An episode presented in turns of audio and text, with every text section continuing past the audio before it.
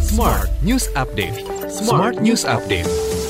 Halo semua listeners, saya William Darmawan dalam Smart News Update edisi hari ini Jumat 16 September 2022. Kita ke informasi pertama. Presiden Joko Widodo resmi menaikkan instruksi Presiden nomor 7 tahun 2022 tentang penggunaan kendaraan listrik sebagai kendaraan dinas operasional untuk pemerintah pusat dan pemerintah daerah. Dalam impres tersebut, para menteri kabinet maju diberikan tugas khusus guna mendukung percepatan penggunaan kendaraan listrik berbasis baterai di lingkungan instansi pemerintah, adapun penggunaannya dilakukan untuk operasional maupun perorangan.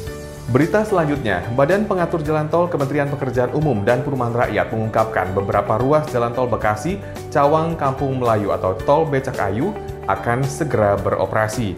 Kepala BPJT Danang Parekesit mengatakan uji laik fungsi dan uji laik operasi telah dilakukan pada beberapa ruas jalan tol Becak Ayu, ruas on-rem Perumpung, on-rem Kasablanka, dan koneksi sisi timur Jalan Tol Wiyoto Wiono ke Jalan Tol Becak Ayu. Jalan tol ini juga diharapkan bisa membuat lalu lintas kendaraan logistik yang menuju Bekasi, Karawang, Cibitung, dan sekitarnya semakin lancar. Kita ke berita terakhir. PT Perusahaan Listrik Negara atau PLN mengatakan memasak dengan menggunakan kompor listrik tidak perlu melakukan penambahan daya listrik, tapi menggunakan jalur khusus. Selama ini masyarakat menilai dengan menggunakan kompor induksi, maka daya listrik akan dinaikkan dan menambah beban pembayaran listrik. Direktur Utama PLN Darmawan Prasojo mengatakan, untuk kompor induksi, PLN menggunakan MCB jalur khusus yang artinya tidak tersambung dengan pola konsumsi listrik, menggunakan struktur daya terpasang maupun golongan tarif lama.